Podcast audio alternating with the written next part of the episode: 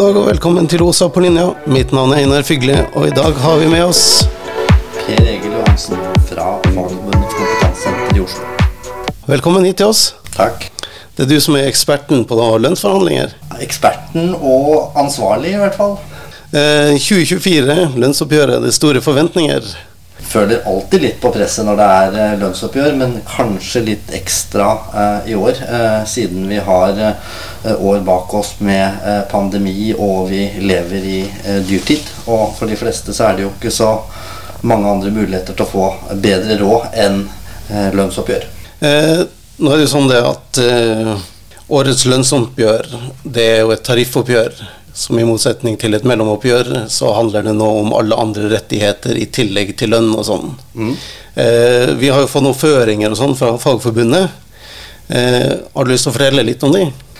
Ja, altså de overordna eh, tariffkrava til Fagforbundet gjelder jo, gjelder jo for alle eh, tariffområder, og det er jo enormt eh, mange. Eh, bare kontoret jeg leder har jo ansvaret for 142 eh, tariffavtaler, så det gjør jo at eh, det ikke nødvendigvis er sånn at de overordna krava vil passe inn eh, overalt. Eh, men jeg tror jo at eh, det viktigste kanskje for de aller fleste er jo generelt lønnstillegg i form av eh, kronetillegg og med en lavtlønnsprofil. fordi at det eh, vil jo bety at alle får eh, lønnsutvikling. Og hos dere så er det vel også sånn at ubekvemstillegg eh, er eh, en vesentlig del av, eh, av lønnsutbetalingen, og der har vi også et krav om at det skal økes eller, eller sikres. Og så er det jo mange ulike bestemmelser både om kompetanseheving og lønnsutvikling.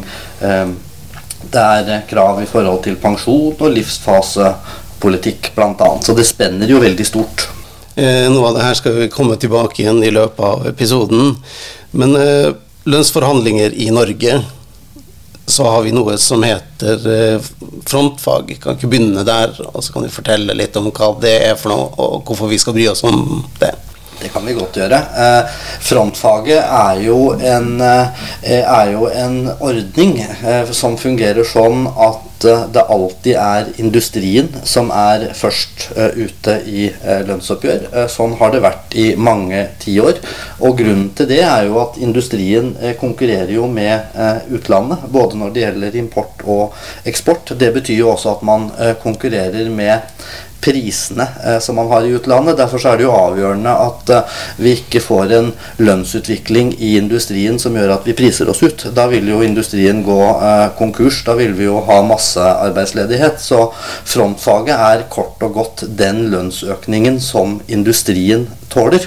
Eh, og den lønnsøkningen som industrien tåler i konkurranse med utlandet, den lønnsøkningen tåler også resten av det norske samfunnet. Så derfor så er da, eh, derfor så er da eh, industrien først ute. Og når de da har ramma på lønnsoppgjøret klart, så er det da det som kalles frontfaget. Og det er da førende for alle andre lønnsoppgjør i Norge. Og så er det noen eh, avvik. Det kan, jo være, kan jo være bransjer eller eh, bedrifter som går eh, veldig bra, og da vil det jo være mulig å kunne få ut mer enn frontfagsramma. Og så kan det jo være bransjer eller virksomheter som går fryktelig dårlig, og da tar man ut mindre enn frontfagsramma. fordi at vi har jo ingen tradisjon for å kreve lønnsoppgjør i det ene øyeblikket som fører til konkurs og masseoppsigelser i det andre øyeblikket. Men frontfaget er i så måte førende og skal ikke avvikes. Er du enig i at frontfaget burde være førende og ikke avvikes, eller? Jeg er enig i det, for det det er jo hovedingrediensen i oppskriften på, på norske lønnsoppgjør. Og frontfaget har jo over ti år, og da snakker vi jo nesten helt tilbake til andre verdenskrig, har fungert veldig godt. Det har jo vært eh, gode lønnsoppgjør i Norge over tid, og vi har hatt, eh, vi har hatt eh, reallønnsøkning i mange år. Og så har det vært nå noen få år hvor, hvor det ikke har vært tilfellet, hvor det har vært reallønnsnedgang. Men hvis man da ser på hele perioden over en 50-60-70 år, så har frontfagsmodellen tjent oss godt og vil gjøre det i fremtiden. Og man har jo hatt ja, nå tror jeg det vel er fire utvalg, Holden 1, 2, 3, 4 eller noe sånt, som da har sett på den norske lønnsmodellen, og hver gang så konkluderer man jo med at uh, det finnes ikke noe alternativ som er bedre. Nei. Uh, Må det utregnes i prosent hver gang, eller kan man gå til et kronebeløp f.eks.? Nei, prosent, frontfagets ramme settes jo i, i, prosent, men så er det jo fullt ut mulig i det enkelte lønnsoppgjør å omregne det i, i kroner og, og øre. Ja, så hvis en bedrift f.eks. noen ligger la oss si 100 000 under, så kan man øke liksom med 60 eller 70 000, for da runder du ikke Eller da tar du ikke konkurrerer du ikke bort ansatte fra andre selskaper til ditt selskap? Er det akseptert innenfor eh, rammene, liksom? Eller? Ja, om det er akseptert, men det er i hvert fall et handlingsrom til å gjøre det. Ja, det er det. Ja. Eh, men eh, nå har ikke jeg de tallene i hodet, men hvordan går det med eksportindustrien i Norge for tida? Nei, eh, det er jo i hvert fall ingen oppslag i avisene på at det er eh, masseoppsigelser rundt eh, hjørnet, eller at industrien er spesielt trua.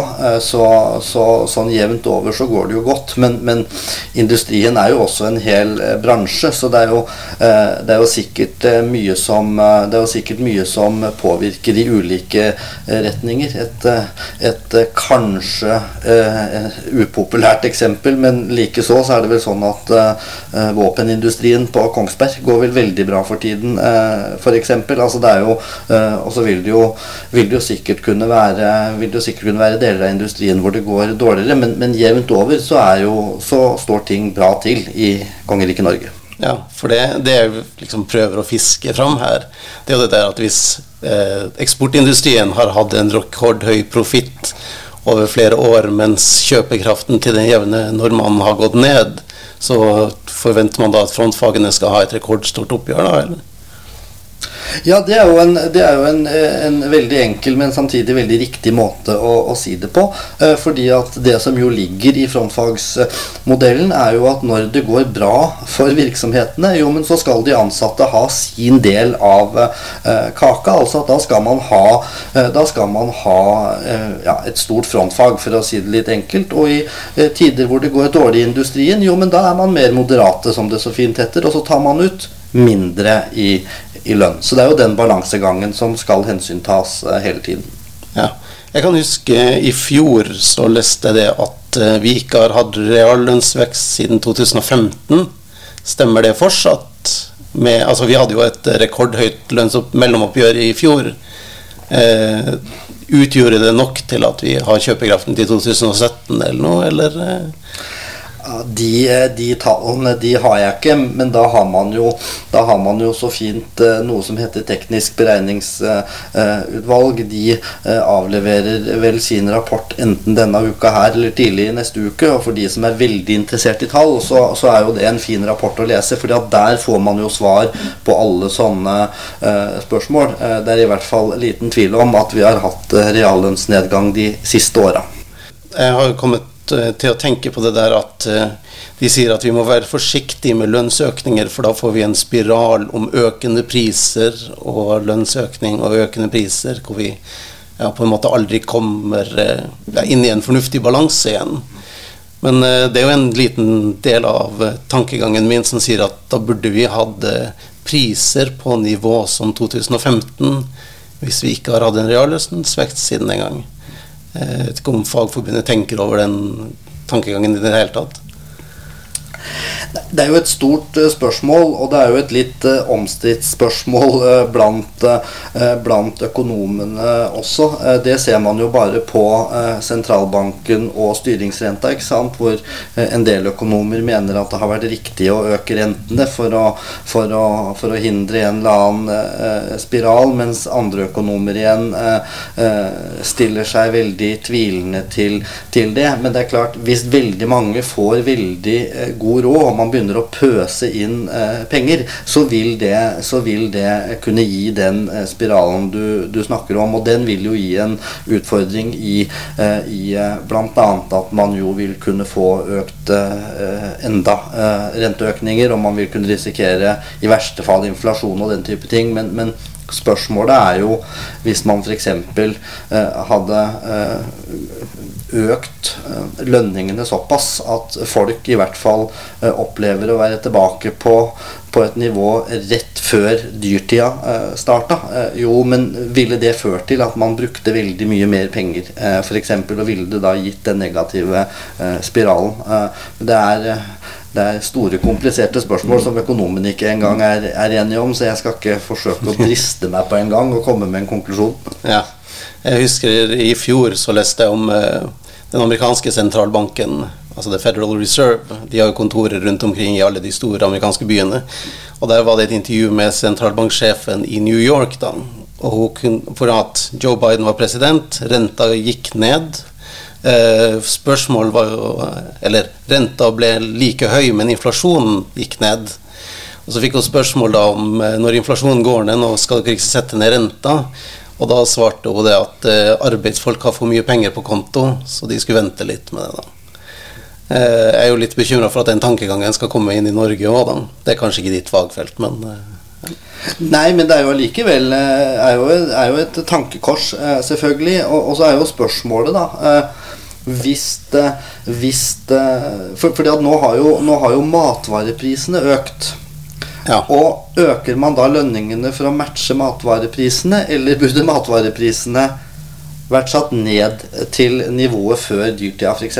Det er jo, og det er jo den spiralen, ikke sant? for at får vi bedre råd eh, og begynner å handle mer på, på, eh, på, butikken, ja, så betyr jo det at etterspørselen eh, øker. Og da er jo det også Da fungerer jo markedet sånn da, at ok, har du råd til å betale, så, så kan vi jo øke prisene litt til, da. For da har du jo råd til å betale. Så det, det, er jo den spiralen som er vanskelig å, um, å helt uh, kontrollere. Og da blir det jo også da det litt vanskelige spørsmålet at ok, eh, skal vi få prisene ned?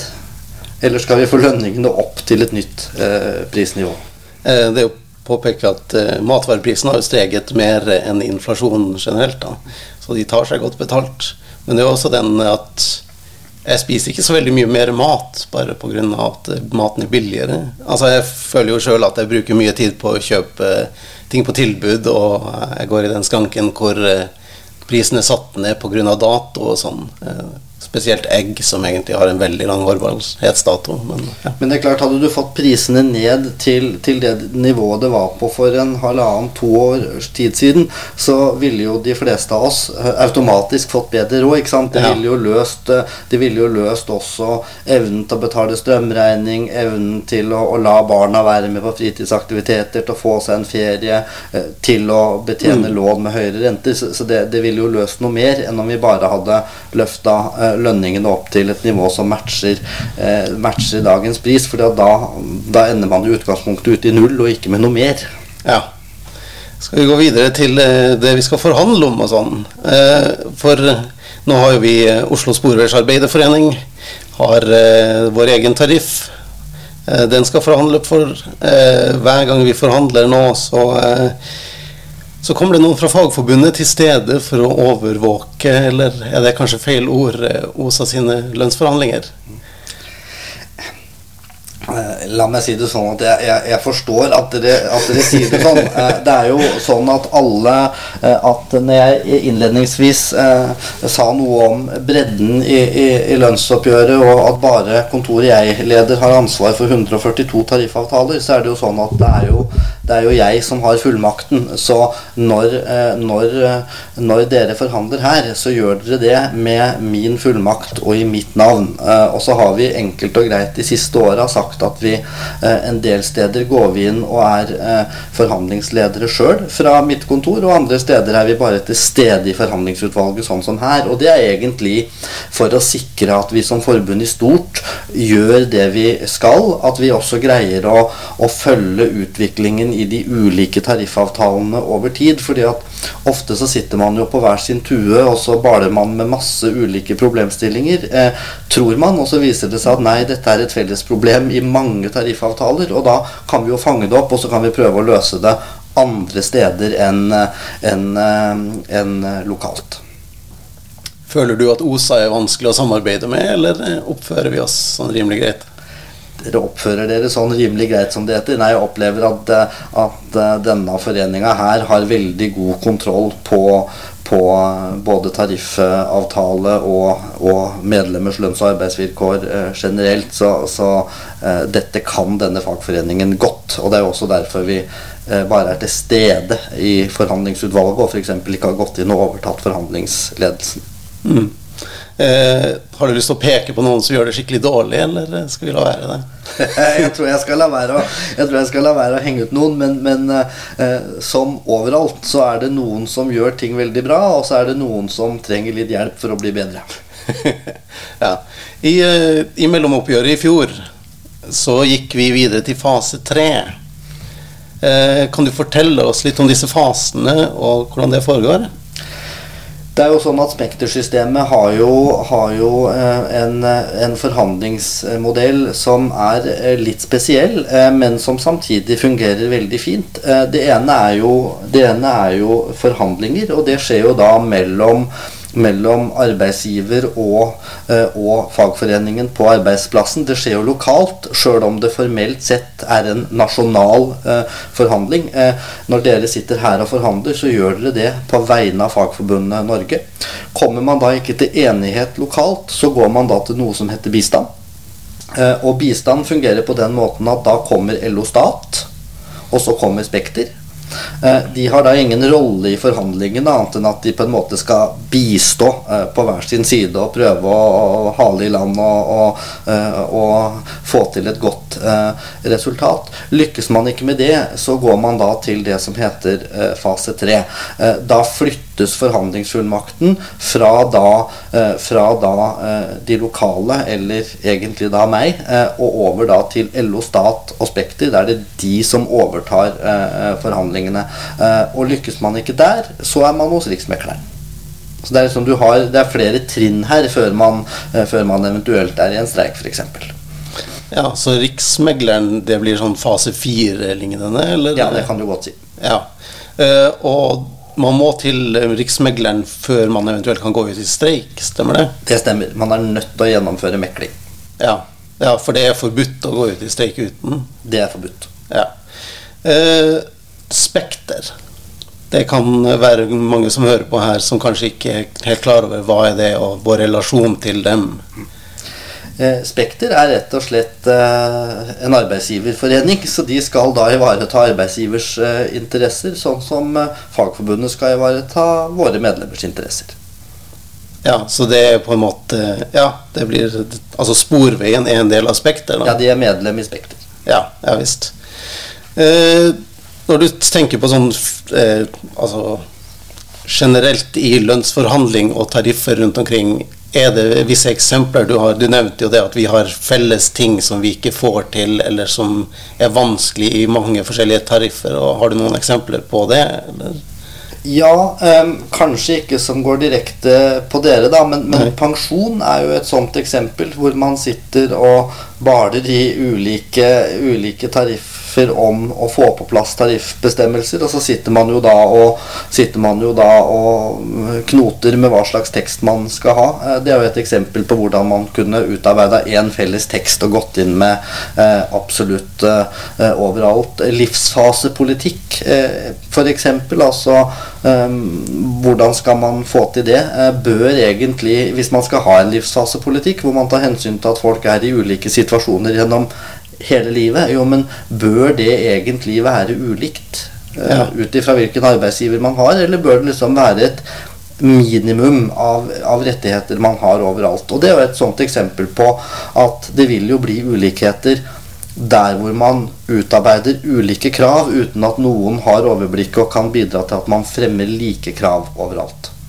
Ja, eh, som f.eks. amming. Er det livsfase, eller hva er det for noe? Det kan man jo kalle en livsfasepolitikk, fordi at det er jo noe som, eh, som eh, skjer på bestemte faser i, i, livet. Men samtidig så er jo det særskilt fordi at det har en helt egen bestemmelse i, eh, i, i både arbeidsmiljøloven og i de ulike tariffavtalene. Men, men ofte så har jo livsfasepolitikk blitt begrensa til seniortiltak. ikke sant? Ja, men, men, men spørsmålet er jo om man ikke særlig nå med endringer i pensjonsordningene rundt forbi, og hvor vi skal stå lenger i jobb enn 40-50 år. ikke sant? Jo, men for å få til det, så må man mest sannsynlig ha en bedre livsfasepolitikk, eller en bedre tilrettelegging gjennom hele livet. Ja, vi kommer litt tilbake til eh, det der med pensjon og sånn, og eh, det å gå av.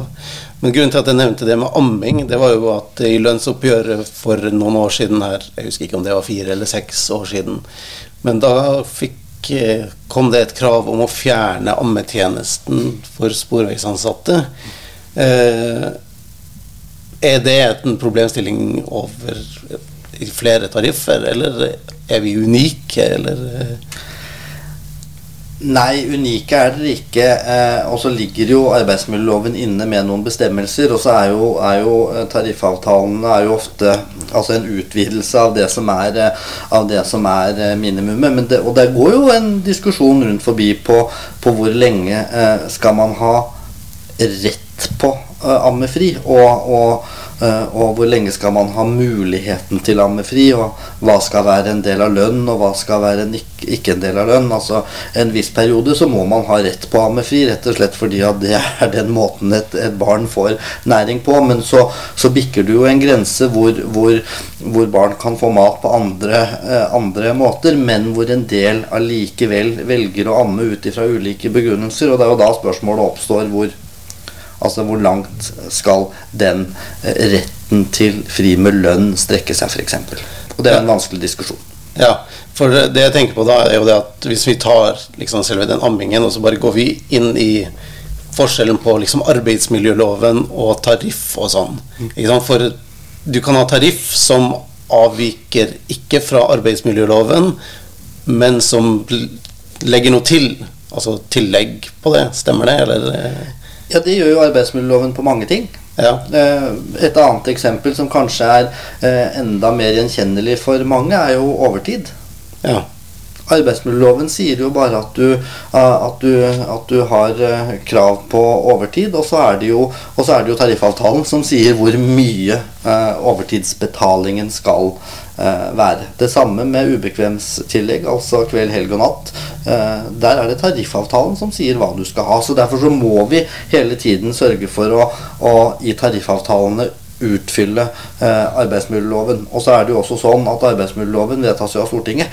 Den kan jo utgangspunktet endres uten, uten, at vi har noe vi skulle sagt, mens tariffavtalens innhold den endres jo kun hvis vi går med på det.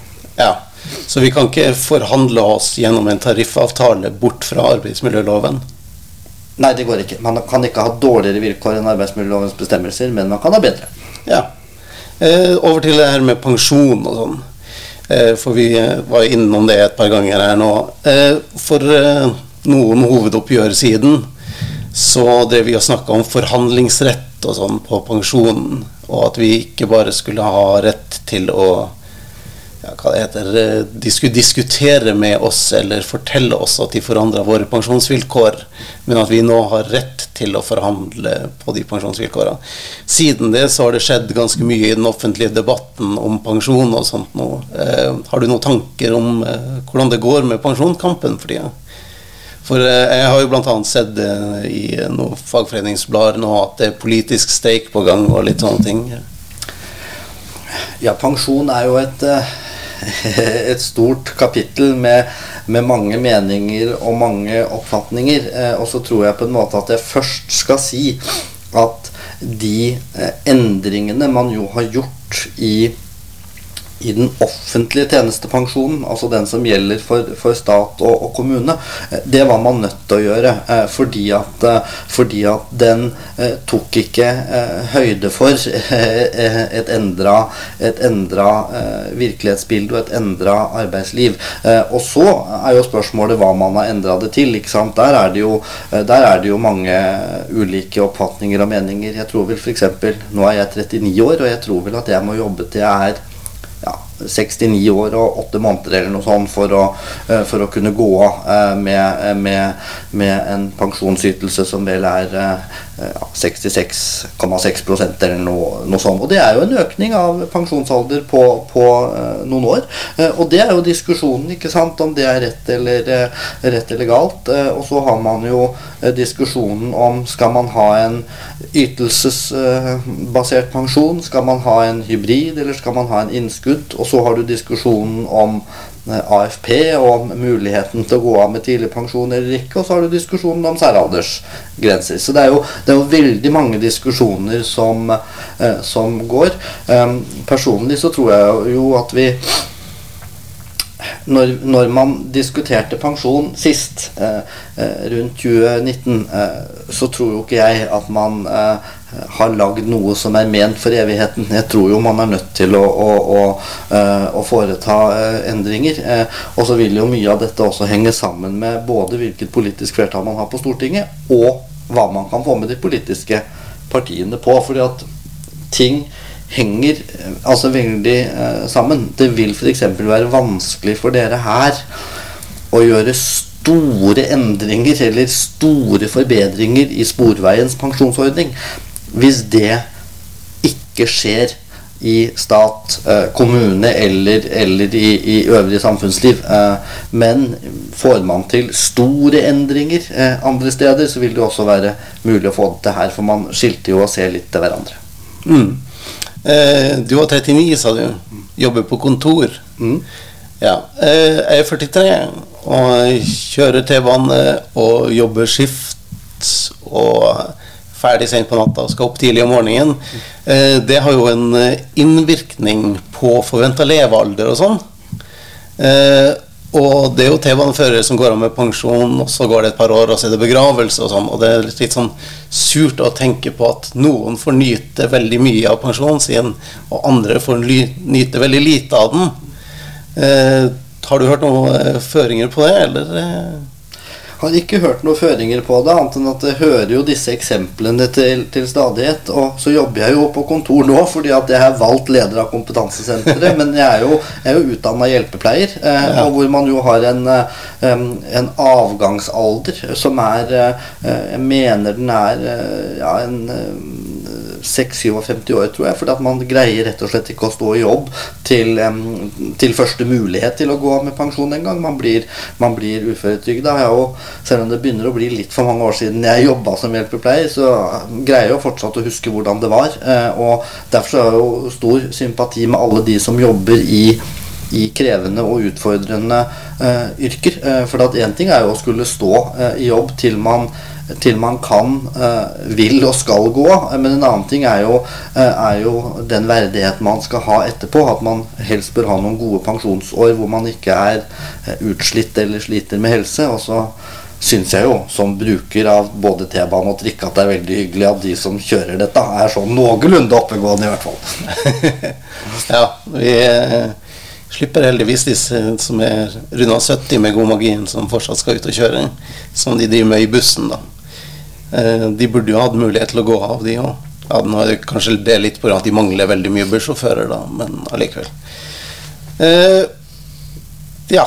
Fagforbundets undersøkelser viser at medlemmene ønsker kronetillegg i forhold til prosenttillegg. Hvorfor det? Og Fagforbundet skal jo forhandle fram det her. Eh, det er jo sånn at eh, Ja, hvorfor det, og hvorfor det? Eh, jeg vet jo i hvert fall hva jeg mener er svaret. Og det er jo, det er jo at et, et, kronetillegg betyr jo at absolutt alle får det samme kronetillegget i, i, i, lønnspåslag, for å bruke et sånt, for å bruke et sånt begrep. Det er jo solidarisk og treffer alle likt. Eh, samtidig som jo man ofte har lønnssystemer rundt forbi som jo gjør at eh, altså hensynet til både ansiennitet og kompetanse ivaretas jo når man, gir, eh, når man gir et flatt kronetillegg til alle. I det sekundet hvor man går inn med prosenttillegg, som jo ofte er alternativet, jo så betyr jo det at jo høyere lønn du har, jo høyere blir jo det lønnstillegget du får. Og jo lavere lønn du har, jo lavere blir jo det lønnstillegget du får. Og da skaper du jo en skjevhet hvor, hvor, hvor avstanden mellom de som tjener minst og mest, øker år for år. Og det, det er en ting er at det er jo ikke en solidarisk tankegang. En annen ting er jo at eh, erfaringsmessig så får jo de lavtlønte da mindre. Ja, og du kjøper jo ikke matvarer med prosenter, du gjør jo det med Med kroner. Med kroner, ja. Eh, du har forhandla, eller har oversikt over ganske mange forskjellige tariffavtaler og sånt rundt omkring. Eh, det er jo en del snakk om i Sporveien f.eks. det, og da snakker jeg spesielt om de som jobber altså ute på linja med vedlikehold osv., om at for den kunnskapen de har, den er også ettertrakta i jernbanen f.eks. Og det å bruke det tariffen som de har i jernbanen for folk som jobber med å vedlikeholde T-banenett og sånt noe. Eh, ja. Har du noe å si på det, eller skal vi bytte tariffer, eller skal vi få inn noen på en tariff og noen andre på en annen, eller? La meg si det sånn at uh, løsningen da ville jo vært en, en bransjeavtale, da, hvor man jo måtte ha kalt det et eller annet. Eh, eh, hva vet jeg, av mangel på noe bedre. Eh, eh bransjeoverenskomsten for skinnevedlikehold eller noe sånt. Altså, men utfordringen da er jo at da mister dere jo kontrollen. Altså Fordelen med å ha en egen overenskomst, en egen tariffavtale i, i Sporveien, er jo at den, den har dere jo kontroll på, uh, på sjøl. Uh, I det sekund hvor man da uh, sammenligner seg med med andre og kanskje se for seg bransjeavtaler osv., jo, men da mister man jo noe av eh, kontrollen. Og så er det jo fordeler og ulemper med alt. Eh, det er klart man ville jo, man vil jo eh, hindra Man ville jo hindra usunn konkurranse på, på, kompetanse, selvfølgelig, og ville ikke satt de interessene opp mot hverandre, men det ville jo samtidig da ført til at man jo ville hatt, at man jo ville hatt en, en tariffavtale som ikke var så målretta inn mot Sporveien og Sporveiens behov, mm. f.eks. Ja, eh, jeg som T-banefører vet jo det at eh, hvis jeg går på det store internett og søker opp hvor mye en lønn en T-banefører har, så får jeg litt annen oppfatning av hvilken lønn jeg har, enn det jeg faktisk får i lønn. For eh, i når du ser liksom hvor mye tjener en T-banefører, så er lokfører og T-banefører er samme greia. Og jeg skjønner at i EU så er det sånn, men i Norge så er det jo ikke sånn.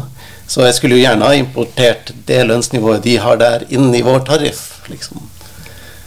Men da måtte du også tatt med deg resten. uh, og det er, jo det, som da, det er jo det som da blir uh, utfordrende. ikke sant? Altså, det er jo svakheter og, og, og, og styrker ved, ved, ethvert, ved ethvert system. man, kunne jo fått en, man kunne jo fått en standard for alle T-baneførere, trikkeførere og lokførere i, i, i, hele, i, hele, EU, men, men, men da, ville jo, da ville vi jo for det første så ville vi jo avvikla den norske modellen og frontfagsmodellen, og så ville vi også sagt at at, eh, at lønnsvilkårene settes ikke ut ifra norske forhold, men ut ifra EU-forhold. Og da kan det jo komme en sammenligning for øvrig, og det er jo strømprisen er jo satt etter, etter, etter EU-forhold og ikke etter norske forhold, annet. Og så kan det jo være å gjøre opp en mening om hva man syns om det. Mm. Ja. Eh, en ting som jeg har tenkt på når jeg liksom søker ferie og sånn, det er det der at det fins altså land i verden som ikke har lovpålagt ferie. Det er ikke så veldig mange av de. Og så varierer det litt fra land til land hvor mange uker ferie man har lovpålagt. Så fins det noen land som har seks uker ferie for alle sammen, og vi er ikke et av de. Hvordan skal jeg få en uke ferie til? Ja, Det enkle svaret på det er jo at du kan jo eh, kreve det som, eh, som eh, en del av tariffoppgjøret. Det er jo sånn vi har for så vidt utvida all ferie, eller alt som har med arbeidstid å gjøre også, egentlig. Altså Åttetimersdagen ble først tariffesta, og så ble den lovfesta. ferie har fulgt etter samme prinsipp, at man på 20-30-tallet fikk inn litt smått med ferie her og der i ulike tariffavtaler, før man jo fikk lovfesta to uker sommerferie, tror jeg det var i eh, ja, 1937 eller 38. Og, så alt har jo starta med tariffavtalene. Men det er klart, skal du ha en uke ekstra ferie, så betyr jo det at det vel er et par lønnsoppgjør hvor, eh, hvor, eh, hvor det generelle tillegget ditt er på kroner null. fordi at man må jo betale det på et vis. Ja, det var det, da.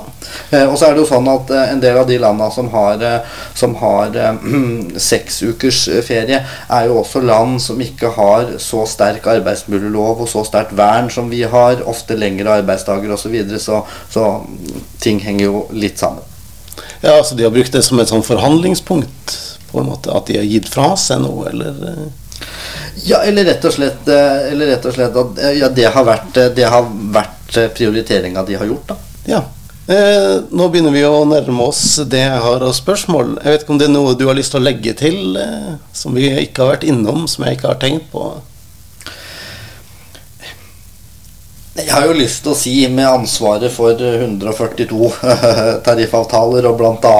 Eh, Sporveiens, at jeg oppfordrer jo alle til å benytte muligheten til å komme med tariffkrav når vi spør. For vi sitter jo ikke og finner på ting på egen hånd. Vi, vi, vi kommer jo med, med, krav som er eh, spilt inn eh, fra eh, medlemmene. Og så pleier jeg å si at eh, når folk skjønner hva jeg har ansvaret for, så pleier de alltid å fortelle meg at de vil ha høyere lønn. Men det er liksom den eneste beskjeden jeg ikke trenger å få. Det er at folk vil ha høyere lønn. Fordi at jeg har ikke møtt på noen enda som ikke vil ha høyere lønn. Så det som det, og alle som forhandler, eh, altså gjør jo hva de kan for å presse mest mulig penger ut av, av arbeidsgiver. Så, så, det at man vil ha høyere lønn, det, det, det, er forståelig. Kom heller med andre typer krav. Om det nå være seg ammefri den sjette ferieuka, eller, eller hva nå det måtte være. For det er jo, det er jo de tinga vi trenger signalene om. Ja, men hva er viktig for, eh, for medlemmene? Og ikke minst når vi sender lønnsoppgjøret ut til uravstemming, så benytt deg av stemmeretten. Fordi at uravstemminga er altså ikke veiledende. Eh, vi forholder oss til det som blir stemmeresultatet. Og så spiller det ingen rolle for oss om det er 1% 30% eller 90% som benytter seg av stemmeretten. For de som stemmer, de bestemmer også juravstemning, og den er bindende. Så sier man da ja, ja, så er lønnsoppgjøret i boks. Og sier man da nei, ja, da har jo vi som forhandlere en jobb å gjøre. Det betyr jo at uh, har man kommet til en forhandlingsløsning, og det blir nei-uravstemning, jo, da må vi til mekling. Uh, og sier man, uh, sier man, nei etter et meklingsresultat, ja, da er vi jo i streik. Ja. Det er medlemmene som skal ha første ord gjennom å komme med innspill eh, og forslag eh, og ideer til hva vi skal gå i lønnsoppgjør og kreve, og det er medlemmene som skal ha siste ord gjennom uravstemning. Ja, Så de forslagene som kommer til eh, altså tariffoppgjøret nå i år, de skal vi sende til klubbledelsen i hver enkelt klubb i Oslo Sporers Arbeiderforening? Ja, Nå vet ikke jeg hva slags system dere har, og hva ja. dere har sagt til medlemmene, men, men, men eh, jeg hadde nå sendt det lell hvis jeg hadde et eh, forslag. Og ikke være så opptatt av å gjøre dette så, så, så, fint og flott. Altså, Mange kvier seg jo litt for å komme med krav fordi at de kanskje er redd for at de ikke er gode på å formulere seg skriftlig og sånn. Ja, men blås nå i det. Send av gårde det du har på hjertet, og så får det være disse forhandlerne som greier å, å få rett ord og uttrykk og få det inn på rett plass. Ja, for jeg vet jo det at det er veldig mye sånn spørsmål om kan vi fikse den teksten, sånn at teksten i hver paragraf i tariffen blir lettere å forstå, eller blir formulert på en sånn måte som gjør at bedriftens evne til å argumentere mot det vi vil, blir bedre.